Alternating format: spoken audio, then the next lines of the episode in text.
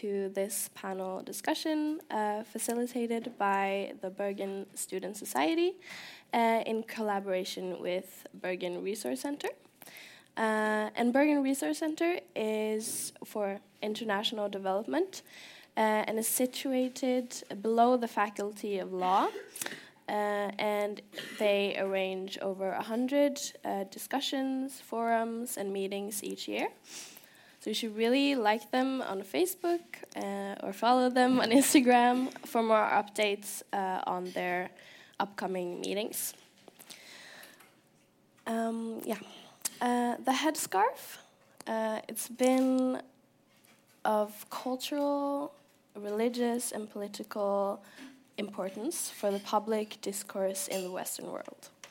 Uh, there are a range of opinions concerning religious clothing and um, about the hijab.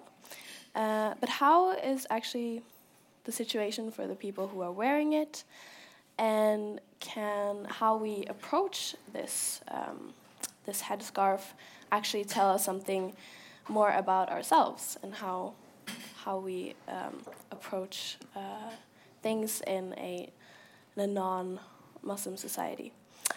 Uh, and with me to discuss this, I have an incredible, incredible panel.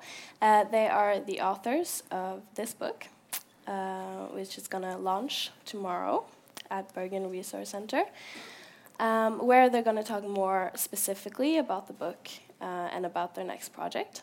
So the book is called The Politics uh, of the Headscarf in the United States. And uh, First of all, one of the authors uh, is Sarah, Dr. Sarah A. Tobin. Uh, she is an economic anthropologist with expertise in Islam and gender in the Middle East. Uh, she is also the author of the monography Everyday Piety Islam and e Economy in Jordan. She is a senior researcher at uh, CMI. And then I have uh, Dr. Aubrey Westfall. Uh, she is an assistant professor of political science at Wheaton College in Norton, Massachusetts. Um, Dr. Westfall specializes in comparative politics and international relations. Uh, her research focuses on the political experience of ethnic and religious minorities, and especially immigrants, immigrant groups in Europe and North America. And then uh, I also have Dr. Özge Çelik Russell. Uh, and she is an associate professor of political science at Gazi University in Turkey. Uh, Dr. Çelik Russell specializes in political participation with a special focus on women's rights, political agency, and voter turnout. And then there's a fourth uh, author who's not present, uh, her name is Dr. Bozena Welborne, and she is an assistant professor of government uh, at Smith College in Massachusetts, and she specializes in uh, women's political participation in the Middle East. Yes.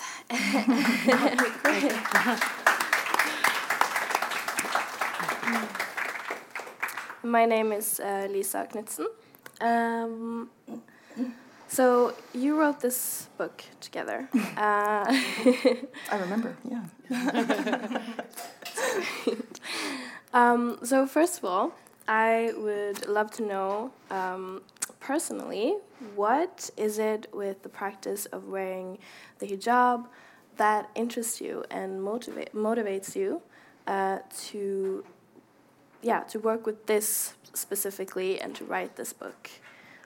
Sarah, do you want to start? Sure. Um, well, for me, I had been doing my research in Jordan uh, as an anthropologist for a number of years before we started working on the book together. And my work really looks at questions of Islam and economy. So, a theological background, a cultural background, as well as an economic background all contribute to the way that my research comes together. And you know, in Jordan, uh, it's a Muslim majority country, and most of the women that I knew that I was spending a lot of time with wore the hijab, and they thought that these debates were sort of um, a bit strange. You know, this is what they do, and and we ended up having a lot of lengthy discussions, uh, as well as I took some some classes on Islamic theology to study the uh, underpinning understandings, religious understandings about what the hijab is, where it came from in terms of Islamic history, um, and how my friends understood it in the case of Jordan. And you know, for them, it was very much this is the model that was established during the time of the Prophet Muhammad, and this is the way that women can show themselves as adherents of the religion, and that they can show respect to that Islamic heritage. And I was keen to contribute um, my disciplinary background to our project, as well as uh, some understanding of Islamic theology and the cultural interpretations that guide it today. And for me, I'm, as a comparative political scientist, I came into the project through my dissertation fieldwork, which was on the politics of family migration in Europe. And so I was very familiar with the, the controversies and the complex conversations surrounding the issue of hijab, but had very little knowledge myself of the theology of the issue. Uh, and so I came in noticing that there was this this uh, very controversial conversation happening in Europe that was almost entirely absent in the United States. And that contrast surprised me. And so I was interested in exploring these issues in the absence of the public conversation in the United States, because there is a very well developed literature in Europe on European Islam and, and the integration of Muslims in the European communities, but not so much in the United States. So I was eager to contribute to that conversation. Yeah, and we're going to talk more about the, the difference between the discourse in the United States and in Europe mm-hmm. as well. Yeah. Um, and for me, um, I grew up uh, in Turkey, um, surrounded by um, um, the discussions about the Islamic practice of covering. And um, when I was at um, college, for example, um, students covering their heads were not uh, allowed on campus. They had to shed their headscarf before entering into the campus. And there were like intense debates in Turkey in the 1990s. for and I I was growing up during that time, and I thought that um, the, the, the whole debate was interesting, um, and it really um, divided uh, the issue. Really divided like people in Turkey uh, when I was growing up, and then um, I also come into this project through my dissertation work as well. Um, my dissertation was on um, the headscarf affairs in France, so that was a first step for me um, exploring the issue. And then um, I was uh, thinking about how it works differently in the United States. As Aubrey mentioned, there's a lack of discussion um, about the um, headscarf, and it's a very stark contrast uh, compared to um, what happened in France. So that was my motivation for coming into this project. Great. And we're going to talk more about Turkey as well. Okay. Um, Sarah, um, why is the hijab so heavily discussed? Um, and what makes the headscarf so controversial? So, there is, uh, we'll talk a little bit more about the differences between the United States and Europe, um, but some of these same principles that I'm going to uh, talk about also apply to the case of the US. Um, and so don't think that the US is this sort of totally different case. There are definitely points of overlap um, that we'll get into a little more. But I think the first reason why the hijab is such a controversial topic is because it represents for many people in the West the kind of impossible set of choices or options. On the one hand, if women are choosing to wear the hijab, so the logic would go, it means that they would stand for restrictions on themselves, that they would stand for restrictions on their freedoms, right? I mean, this strikes many as a kind of illiberal decision. It strikes many as a step backwards, even against many of the kinds of things that Western societies have been pushing for. So then, if it's if it's not a choice, because who could choose this kind of thing, right? So this is the logic. Then it must be forced upon them.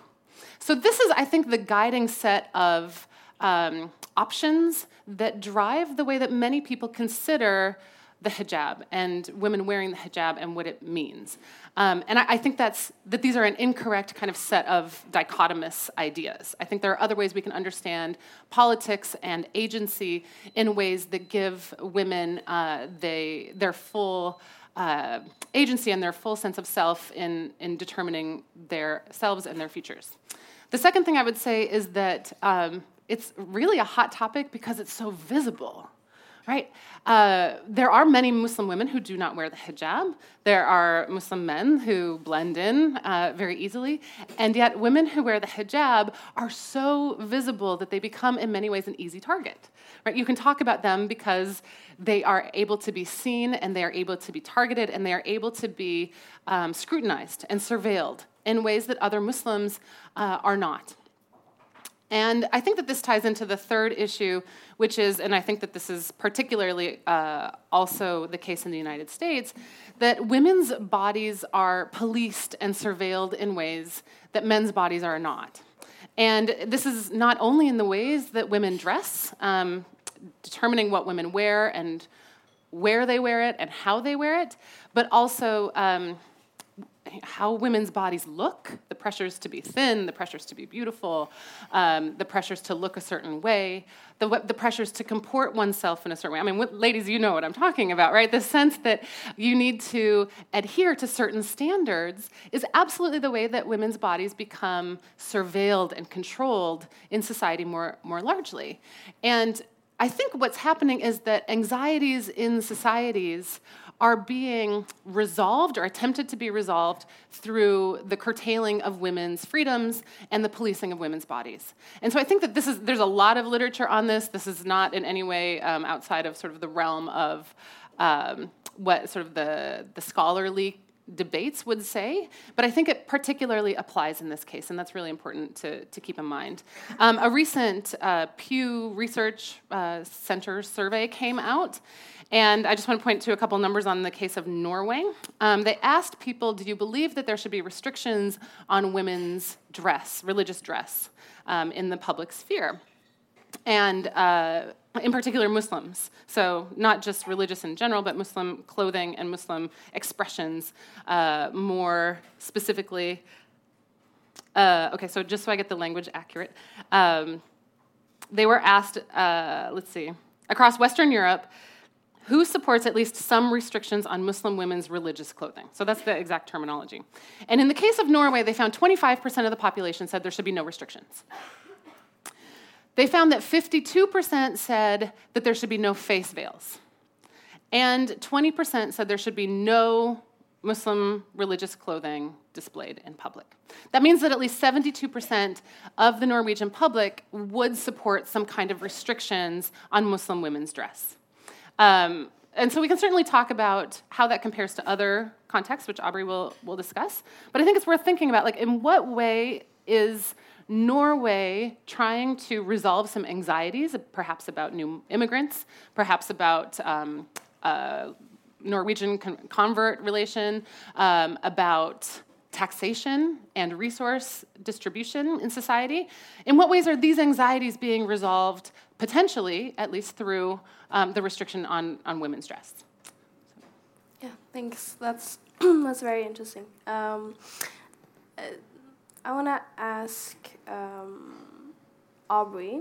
Mm-hmm. Um, in the countries that you've studied, such as the United States, um, what does the hijab symbolize uh, for the state and for the broader civil society? Yeah, well, I'll speak specifically to the United States. In the United States, the state is markedly neutral with regard to religious expression and practice. It's really not a controversy. They just say everyone has the right to believe and to express themselves in any way they want. There was a case of wearing the hijab that went all, all the way to the Supreme Court. And the notoriously conservative justice said this decision was really, really easy for them, that the woman who brought the case absolutely has the right to wear the headscarf, and that that right was grounded in the Civil Rights Act of 1964. So this, the Supreme Court frames the right to wear hijab in the language of civil rights, but also in the language of civil liberties with freedom of religion and freedom of expression. And so it's really not controversial in the United States from the perspective of the state, except in airports. And in airports, the United States admittedly and legally will racially profile, um, particularly Muslims, both men and women, and it's acknowledged widely. It's actually, I think Obama really tried to stop racial profiling in airports and was not able to. So profiling continues in airports, but in all other public institutions, it's really not a controversy. The controversy occurs in civil society. And in civil society, the United States does not look much different than Europe in the recent Pew study that Sarah referenced, they don't, they don't have the US as a case, but I know from other Pew research that the numbers look very similar in the United States as they do in Norway. But the United States does uh, err more permissively about religion in general. So when you talk to Americans about the expression of religion, they're much more acceptant of having religion in the public sphere, and they're much more, com- they're much more um, used to religious practice in general. When it comes to the, the Muslim religiosity, though, you do see similar patterns of Islamophobia and ethnocentrism among the women that we researched. And we surveyed about 2,000 women with an online survey instrument and inter- interviewed personally about 100 Muslim women in seven American cities. 70% of those women reported experiencing discrimination. And we know that that is normal that's a pretty standard figure for Muslim Americans, that they, experience high levels of discrimination, and we know that Muslims in America are the most discriminated against religious group. So it's not, it's not unusual. And the concerns that many Americans have when they confront Muslims is very similar to the concerns that Europeans have. They're very afraid of political Islam and the idea that there's a, there's a conspiracy, a Muslim conspiracy, to come in and take over Western countries. And anything that looks like organization is particularly frightening to Americans. So the headscarf, which looks coordinated from the outside, like it's something that Islam demands that Muslim women do, looks threatening because it looks organized. Similarly, mosques look like institutions of indoctrination. Interestingly, our research refutes both of those claims. It shows that the practice of hijab is highly individualized. It's high, I'm sure Özge will talk more about this later. It's about personal piety. It's adaptable to many different contexts and many different practices that women have. It, it's not coordinated in any way. It's purely, in the American context, about the individual. Similarly, we find, like most research in America finds, that the mosque is more an institution of integration rather than differentiation. This is where people learn their civic skills, this is where they, they build connections with the community. And so the mosque actually helps American Muslims become more American rather than more different. And so those were our findings.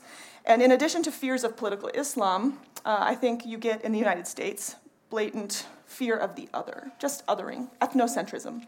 So, those two concerns, fear of political Islam and fear of the other, drive the civil discourse that is pretty openly hostile to Muslims, even though the state is not.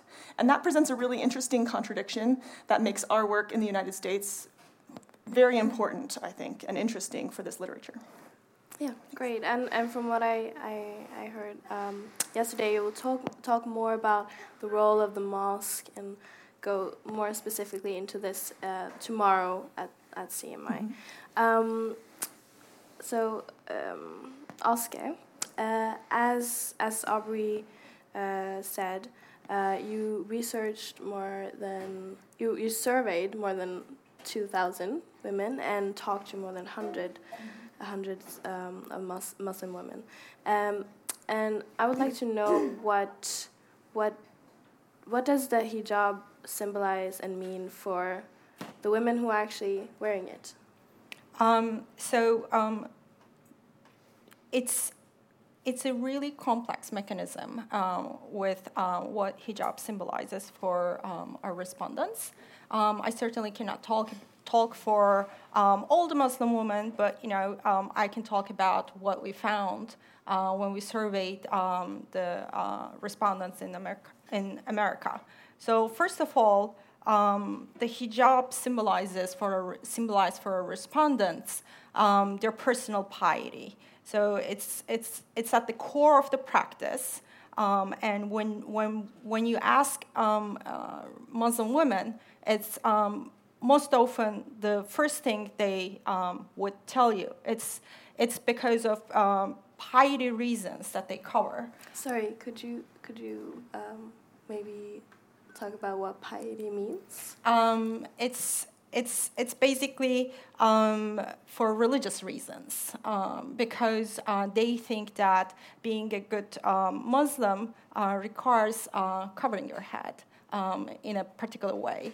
Um, but um, beyond um, personal piety or religious reasons, uh, hijab also symbolizes, um, also is a way of um, um, showing your um, identity to others. It's a it's a way of, um, for example, demonstrating in public that you're Muslim, and it's also a way of representing Islam for uh, many um, hijabis in, in, in the United States. So, for example, uh, when they somebody wearing the headscarf um, is um, representing Islam in a sense that you know um, they might be breaking uh, stereotypes.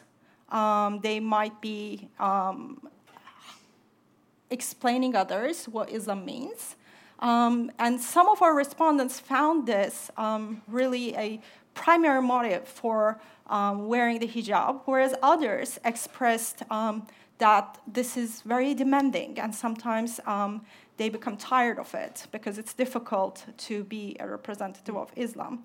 Um, another, another Another point about the hijab is that um, for our respondents, it was a personal choice and it was um, it was really tied into their um, agency, um, and this really speaks against the um, general perception that wearing the headscarf is something imposed upon women, and they were very strong on uh, emphasizing that it was their choice, it was their decision to um, leave their religion in the way they thought that um, they should leave their religion, uh, live through their, their religion, and um, they express that they accept uh, accept the hijab, the practice, as a as a command, religious command, and as a way to please God. Good. Uh, anyone want to add to that? Or? I will. Uh, I think a lot of the women we interviewed, we had a particularly young sample. Um, they were part of what, what's called the reveiling. So, in many cases, their, their mothers and their grandmothers had taken off the veil because they wanted to integrate and be less visible in their Muslim minority or non Muslim contexts, and their daughters, who were born American and therefore feel entitled to all the protections that the Constitution gives them, put it back on. So, this is a, this is a phenomenon of the reveiling that started in the 80s and the, in the 90s. And our women said, look, our families actually aren't very excited about us wearing the hijab. They think that this opens us up to discrimination, but we have chosen to do this for the reasons that Özge mentioned um, both because of because we believe that this is the right way to practice Islam, and also because, especially after 9/11 in the United States, we feel a strong responsibility to represent a public face of Islam that is not that face that they keep seeing in the media. There's a lot of research that talks about depictions of Muslims in the media as terrorists and the, the exaggeration of crimes committed by Muslims. And these women said, We are a different face of Islam. And they would talk about how this means they have to smile all the time and appear exceptionally friendly so that people aren't f- threatened by them. Yeah, yeah. to yeah. overcompensate for the feeling of fear and threat. And that they felt that that was their personal, heavy responsibility. I'll add a story from one of the focus groups um, that I conducted that ties back to one uh, item that Özge just said, which is about the idea that the women said it requires a lot of strength. And I was conducting a focus group in New York City, which is, by all accounts, uh, one of the my, most diverse, largest you know, cities in the world. You can find anything there and anyone there. And we were sitting in Bryant Park in Manhattan, and I was sitting there with um, five women, uh, four of whom wore the headscarf and they were all native born you know american citizens and they were discussing a lot of these same things that aubrey just talked about this idea that they feel 100% american by all political social accounts they're american and they're muslim and especially after September 11th, when there was this upsurge in anti Islamic sentiment in the United States, they really felt like wearing the headscarf required a lot of strength. It took a lot of courage to walk out of that house in the morning knowing that they might be under threat on a daily basis in one of the most diverse, amazing urban you know, cities in, in the world. And as we were sitting there and they started to talk about this, a man started walking by and he started screaming at us. And he said, Know where you come from. And was saying these kinds of things. And the women just looked at each other and they looked at me and they just kept going. Because even now, these kinds of verbal um, othering, these kinds of practices that make the Muslim women often feel under threat, are still continuing. And they're continuing even with a white non Muslim professor you know, sitting in the, their midst. There are no protections in the public sphere in these kinds of spaces. And so it's really important that I think we understand that for many of these women, this idea that they put on the scarf in the morning is less, in many ways, about oppression or forced dressing, but more, in fact, the opposite that it's about the strength and the courage to get out at the door every morning and say, This is who I am, and this is who I'm going to be as I sit next to anyone in my community on the bus or the train or um, as I go to work. And I think we should mention that this represents a, a, serious contradiction for these Muslim women who have gone, who are fully integrated, and they look at the state and they look at the social contract we're supposed to have with the state, where we perform a certain way as citizens and we're deserving of certain treatment by the state and society. They're going where they believe they should go in terms of what they're doing for the state. They're paying taxes, they're doing commu- a lot of community service, actually, higher levels of community service than the average American. They're voting in higher numbers than most Americans. Socioeconomically, the Muslim Americans are high, higher than average. So they have higher income and education levels than your average American. So by all metrics, they're extremely, they're the, they're the model minority, if you want to call them that. And yet they're treated so poorly by society. So you have in acculturation, you're supposed to meet in the middle, right? Where the society comes this way and the, uh, minority groups come this way, and you meet in the middle and form a new society. They're coming to the middle of the street and they're just hanging out there waiting for society, and society's not coming.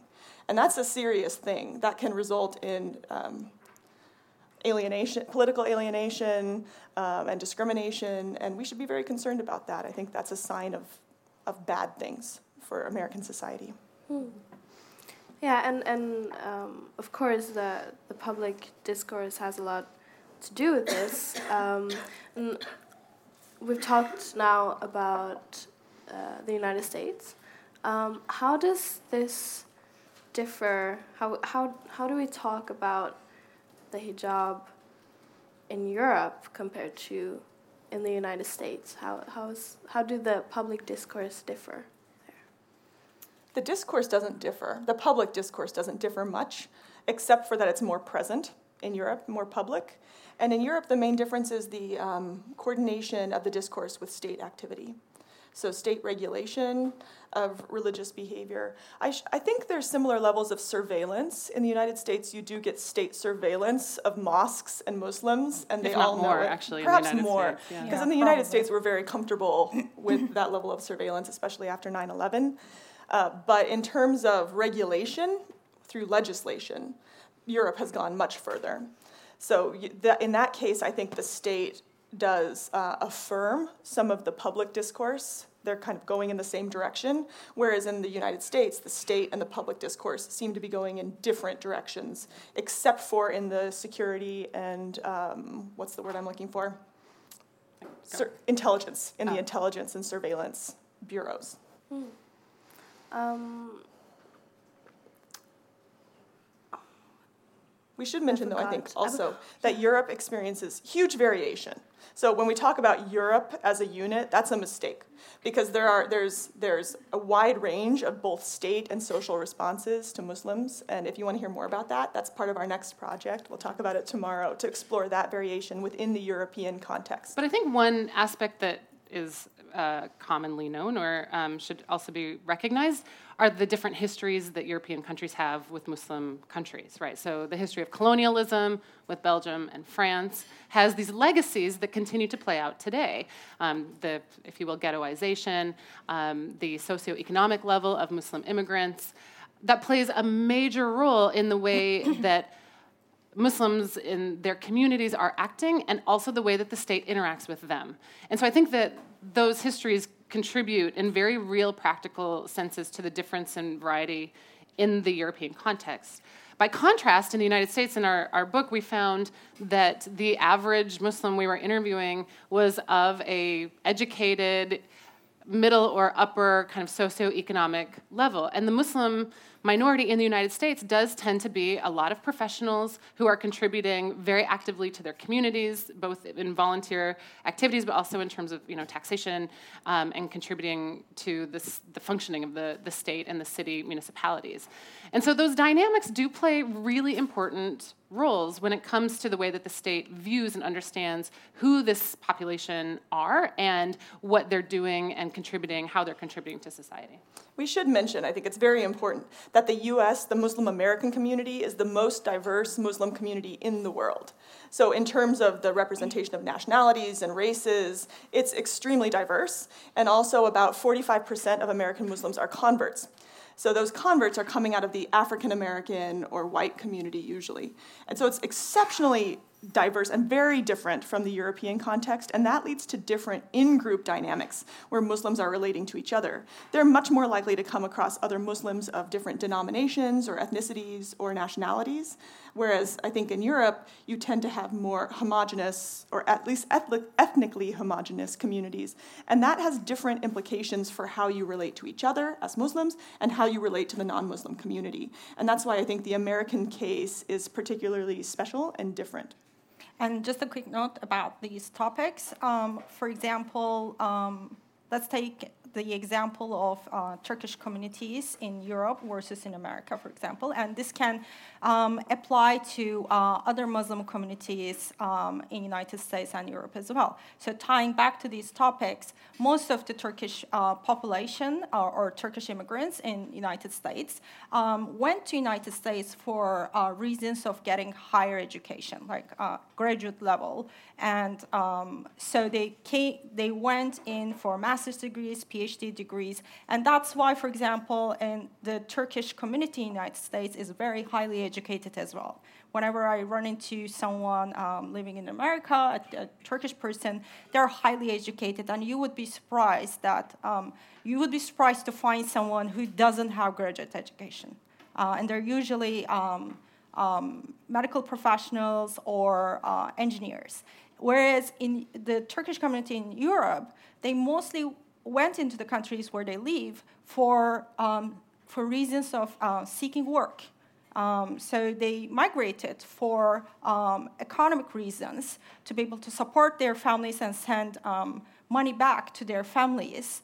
Um, so there is this difference between the population, um, the at least the communities in Europe versus in America. So it's not um, it's not that you know it's not only that. So when you think about why Muslims in America are like so highly educated or they have a high socioeconomic status, it's because um, to start with, it's the United States education system is attracting them, um, and um, whereas in Europe, uh, they're not coming for educational reasons; they're coming for work purposes. Mm and also more because because now we see a lot of, of Muslim refugees coming to Europe. Yeah, uh, and and you didn't really have that in, in the yeah. United on top States. of it, now we are having uh, the refugees. Yeah, and of course, refugees, uh, by definition, are supposed to have a plan to return. Mm. And so that leads to totally different dynamics with integration and expectations and state relationships with the communities. So I think the refugee layer uh, is a special and different kind of case mm. that must be analyzed. Uh, I say I'd say particularly. Mm. Yeah. Yeah, uh, I forgot to mention uh, before that if you have any questions, we have some time at the end of um, this meeting to to do that. Um, so you talked a little bit about uh, Turkish immigrants in other countries, mm-hmm. but what what how how is the hijab. What is the what is the symbol of it in in Turkey, where you grew up and, and where you work, um, where Muslims are not in the minority but in the in the majority? Yeah, um, personally, I constantly think about this, uh, having researched uh, the issue in the United States and France. Um, similar to France, I think, um, in respect. Um, the tensions in Turkey are mostly um, ideological um, between the more kind of like um, secularist so-called people and those who favor um, a larger space for religion in the public sphere.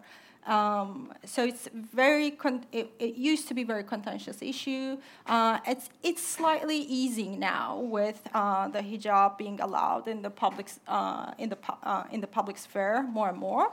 Um, but um, there is certainly a difference in the sense that, um, for example, in America, we observed that um, if uh, a Muslim woman decided to um, uh, go for the uh, practice of covering, they thought about their religion, uh, they, uh, they read the scripture, or they tried to understand uh, where this practice is coming from, what it means in that religious framework, and how they want to define themselves uh, in, as, as members of a minority community.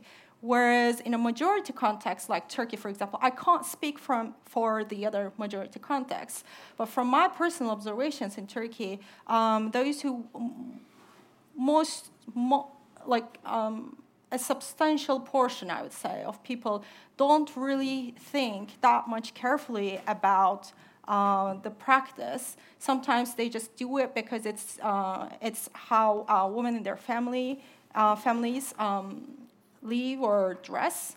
Um, but of course, there are some who think really carefully about it. But it's it's mostly a, um, an ideological contention. Um, but if if if you went and asked uh, people uh, like Muslim ladies in Turkey, uh, those who are uh, choosing to cover their heads, um, if if you asked, uh, again, the first uh, response you would get is about piety. And they believe that um, this is uh, the command in uh, Islam. Um, but it's different in a sense that, you know, it's a bit more, the, the, the dimension of doing it habitually or doing it because, uh, because just it's the way to go in their social environment is a bit more pronounced. Whereas in America, they kept um, criticizing this way of wearing the hijab. They said they were criticizing their mothers, their like uh, grandmothers, and they were saying that you know it's Islam is really tainted with um, cultural practices, and they were trying to separate that cultural dimension in America from what they believed to be the authentic religious dimension. Whereas in a majority context, they're all intertwined, and it's really difficult to disentangle. I think this is this is the interesting thing where in Turkey you have this more political ideological divide, whereas in the U.S. we found some interesting divisions amongst the Muslim community, and the most interesting divide was that between native, uh, or actually, I guess convert native Muslims and the immigrant Muslims, where the native Muslims would say, Hey, we've actually been thoughtful about this. You just inherited this faith from your parents or your grandparents. We are really doing this exploration. We're finding this, this faith ourselves, very typical of convert rhetoric, no matter the religion. And then, of course, the immigrants would come in and say, What are you doing? You're doing all this cra- these crazy things. You don't understand the cultural roots of these practices. You haven't experienced the socialization. And so the divide was really more native immigrant versus either denominational, which you see a lot in the Middle East, or political, like in Turkey. In the case of Jordan, uh, it's also a Muslim majority country, overwhelmingly, and the hijab is predominant. Debates were less about the hijab and more about what modesty means, right? So the idea is that the hijab should accompany these other kind of um, constellation or assemblages of what the kind of uh, comportment and type of personification of modesty the, the woman should embody. And so there were debates, for example, if a woman would wear like this bright, colorful hijab and very tight clothing, is that proper or not? Um, and so, actually, my first book, I have a whole chapter dedicated to some of these, these debates. Um, what does modesty mean? How do you exhibit modesty? Can you be modest and not wear the hijab and still be true to Islam? And I think these were the kinds of debates that we were seeing much more in Jordan. Um, than in the US, for example, uh, where, and in Europe, where it's much more that the sort of head covering is this singular item, whereas in Muslim majority contexts like Jordan, you can have this whole set of things that are also part of the discussion because it's not just about the head covering. Mm-hmm. And can you talk about a little bit more about the individuality of the headscarf? Because is it only one type of wear, uh, way to wear it, or how is that? So uh, I'll, I'll kick this off, but I know we all have something to say on this. my um, I'll never forget this. So the first time I took my now husband uh, to Jordan, he had no background in the Middle East. He was a philosopher. He um, had no experience in a Muslim majority context, and we we went to Jordan, and he met. He sat with us and all of my girlfriends, like he was one of the ladies, and we were we were talking about my friends and um, how they understood Islam and how they were practicing it. And he was like, I don't really get these debates about the hijab. Like, these women show up and they are, you know, wearing cosmetics and perfume and they're flashy and they're intelligent and they're engaged and they're some of the smartest friends that you have and they're some of the most thoughtful friends that you have. So what that they wear this on their head? It doesn't change who they are. And I think that that was a really kind of notable moment. I had been so steeped in life in the Middle East that for me to kind of see some of this was was a challenge, but for an outsider and a man to come in and see like immediately like these are women living their lives, doing their thing, eating their sandwiches, and they happen to have a headscarf on. You know, uh, it was a really kind of notable moment for me to see that this is um, very much true for outsiders as well. And for me, not having that much exposure or having having thought very deeply about the hijab I, as we did our focus groups, I was very struck by the uh, thread of American individual, individuality. We talk a lot about individuality in the United States, how this manifested in their covering behavior. So they talked about changing the practice or adapting the style of head covering according to what they were wearing, what they wanted to do. They actually talked about changing the, act- the wrap so that it was less distinguishable as a hijab if they wanted to avoid discrimination or persecution in a particular context. For, so, for example, especially if you're African American, there are ways of wrapping the headscarf that looks much more ethnic or cultural than Islamic. And they said, I'll do this when I go for a job interview. And then I'll come with the more conventional shayla wrap later after they've hired me and they're always surprised to see that i'm muslim. And so they're, they're very adaptable and strategic in their practices and of course muslims have become more and more prevalent in fa- the fashion industry. And so you see um, the hot hijabi and that's that's common in the united states. And so it becomes a sign of piety but also a fashion accessory and the women are very uh, open to talking about it this way. Not all women of course. Again we don't want to generalize too much but it's a way to express your faith, your individuality, and to be sensitive to context. It was very fun for me. And also ethnic identity. We talked a lot about uh, the, how the different styles represent different ethnic, uh, ethnic identities, and that sends another signal. A lot of this is about social signaling, and it's all very subtle, and it's like a special language that you learn to speak. Ooh. Yeah. Do you have anything to add? Oh, so um, we could talk about this for hours, um, but now we we need to give the microphone to the uh, audience.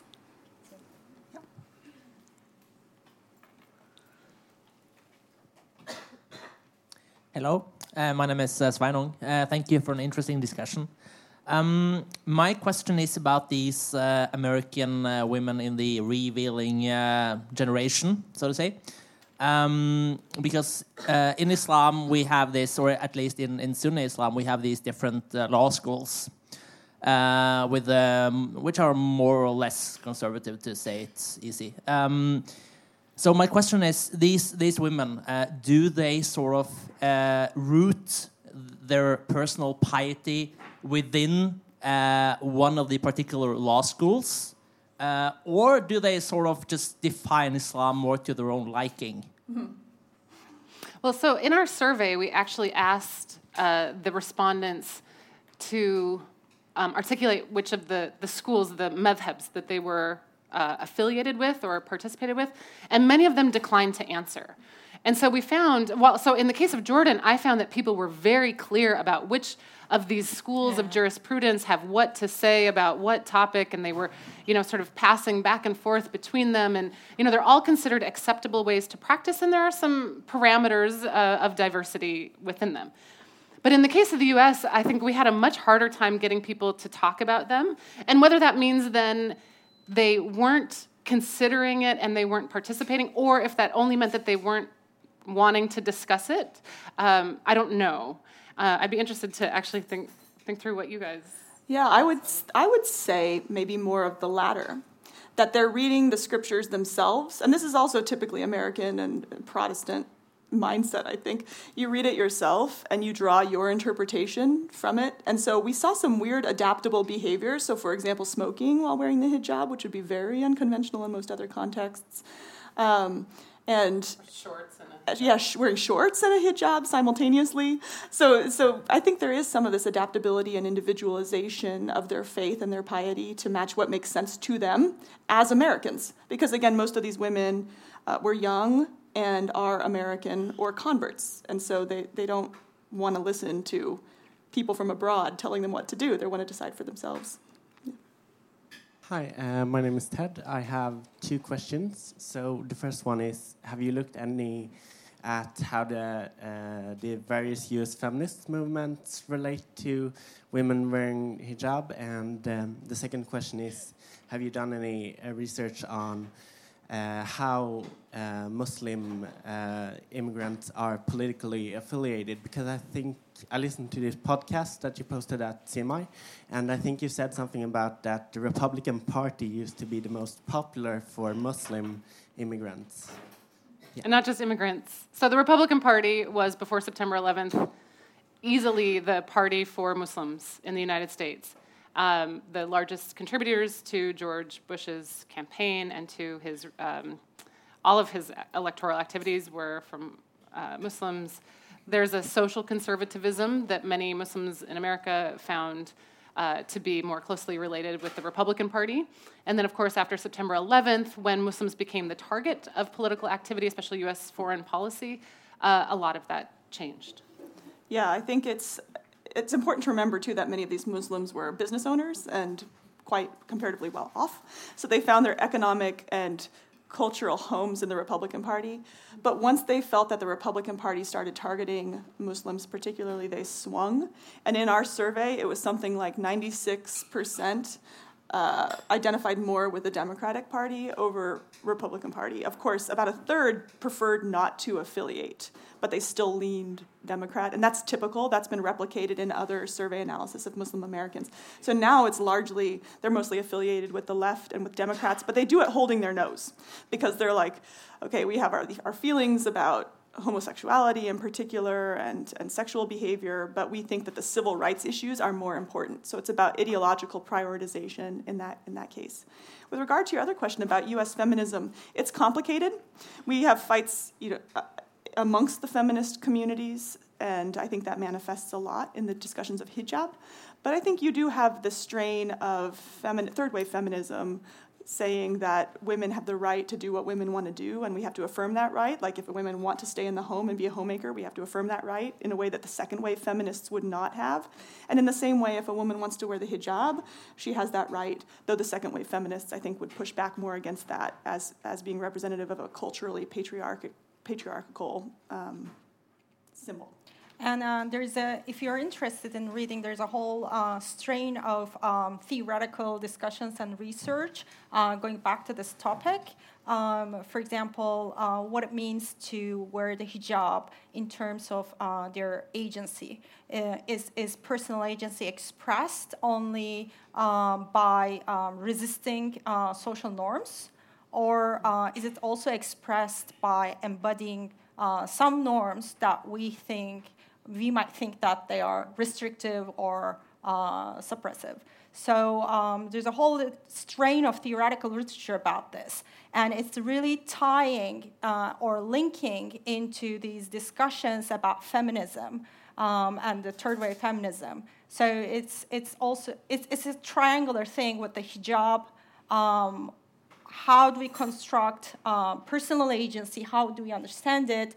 And what's going on uh, with uh, third wave feminism. I think there's also been, at least anecdotally, this upswing in um, intersectional politics amongst Muslims in the United States. And so, whereas in the past, you know, on the issue of homosexuality, for example, uh, Muslims might have been more inclined to really resist um, the rights of the LGBTQ community politically and will have done so in their own political preferences by adherence with the Republican Party, for example. Over time, we've actually, I mean, in the last, what, 15 years, we've really seen that change. And now, um, for example, after the nightclub in Florida was attacked, the Muslim community was the first to come out in support of yeah. the LGBTQ community. So we do find that um, the politics, and we, we've seen this growth of cooperation and collaboration between Jews in America and Muslims in America, which in many other contexts is quite uh, unheard of, in fact. And so I think that the political landscape in the US has changed. I mean, this is all anecdotal, this is not like actually quite as um, strongly kind of uh, studied in our, our work, but it seems to I think you guys would agree, that uh, the face of U.S. politics for Muslims is changing and continues to change, and that dynamism is really important. Um, and I think that that's what also makes some of these hijab debates really interesting is that if we were to revisit them in three years from now, it could be really different. Yeah. Hmm. Do you have any any more questions?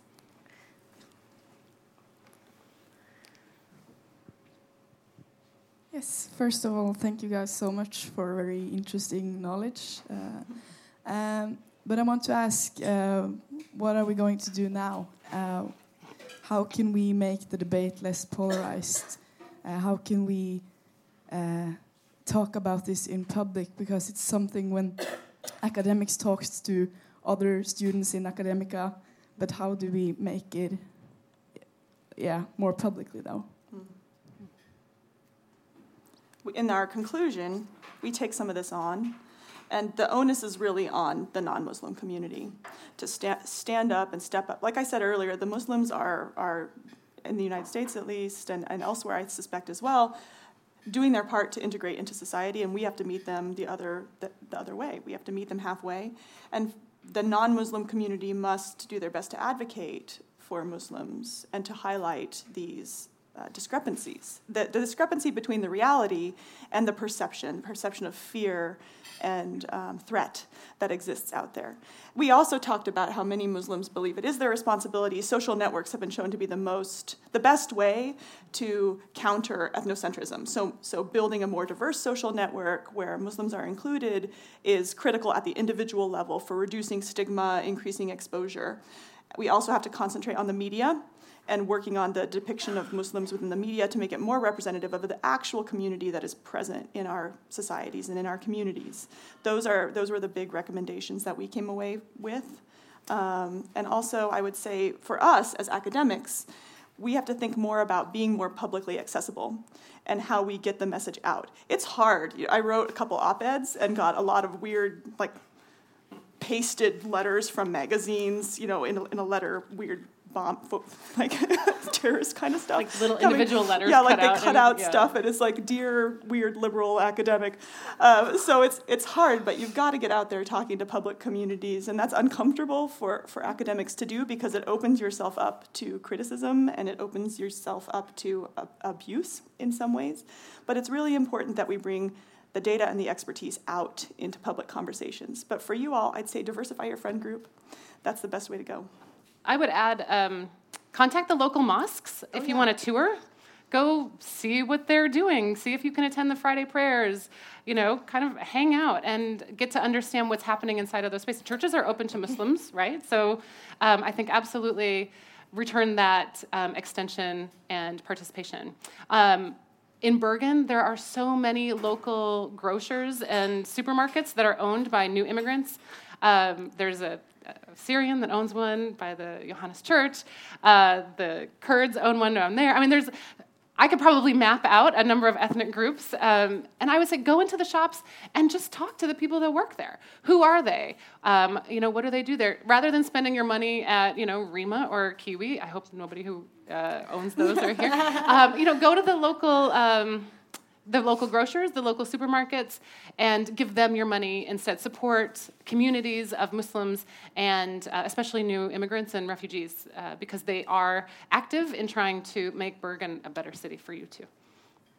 Yeah, I, I think also one of the um, something that people can do uh, at a personal level is just uh, avoiding to avoid people who are different, trying to avoid avoiding um, in a sense, mm-hmm. because um, most of the time, if someone is like really different from us, or if I, if we perceive them as like threatening or just different, we we tend to have less contact with them.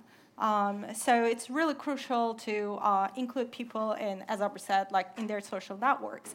Um, slightly off the topic, but I'm going to um, tell you something from my um, experience when I went into America for my PhD degree. So everybody knows uh, we were in the same cohort with Aubrey. So I know her for like more than a decade now, uh, and she remembers my first time when I arrived in the United States.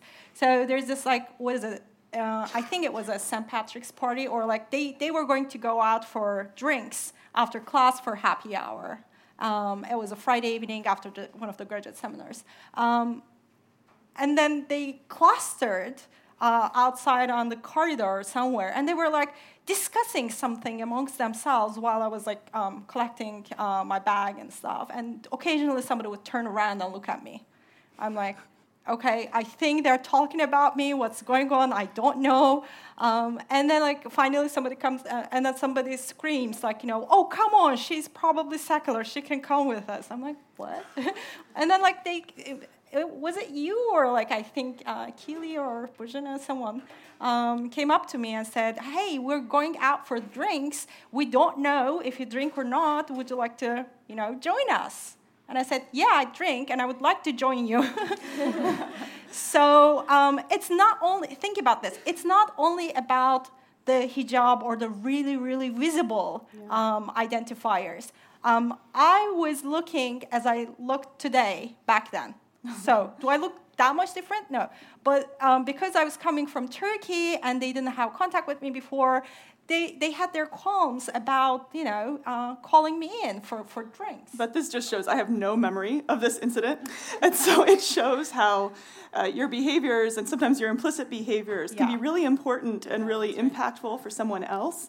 And to just always try to be inclusionary and check those assumptions at the door because you don't know how your behaviors are being read by those around you. Yeah, and if they didn't invite me, uh, and if I was wearing the hijab, let's say, I if they didn't invite me, I wouldn't have that much courage going up to them and say, "Hey, yeah. are you going somewhere? Can I come with you?" It's so difficult. Yeah, we have the when you're in a foreign country, mm. when you're still struggling with, you know, um, settling in, it's so difficult. So it's really important to avoid avoiding people mm-hmm. and give them a chance to see what they think, who they are. If you fit as friends, if you can't get along, it's okay. People don't get along with each other. Well, as we said, even the hijabis might drink.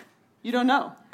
Um, so you've got to yeah. you've got to not not assume things about people's individuality and what they might do, but always invite and let them be the ones yeah. to make the call. Also, recently I've been observing um, people in Turkey. Like I would go to a pub or bar for drinks after work with colleagues, and we would see um, mixed groups sometimes, like one or two ladies wearing the hijab, and then the rest are not. Some and the rest of the table is drinking, and the, the ones wearing the hijab are not drinking, but they're still mingling and sitting together. Mm-hmm. But for some more conservative people, you know, you're not supposed to uh, even like step in a place where alcohol is consumed. But um, this this is just an example to show that you know they are diverse and generalizing people, stereotyping people is just like not helpful. Um, I think this is a good place to end. I would love to sit and talk to you guys for hours, but can't, unfortunately. Um, I would like to say thank you, thank you, thank you so much you for much. coming. Can I put another yeah. plug in for our book launch tomorrow? We're going to talk in more detail about the findings in our book um, at the Bergen Resource Center at CMI. Uh, there will also be breakfast again and coffee, but no charge tomorrow. So come. 8.30 tomorrow morning. Thank you. Thank you. Thank you very much.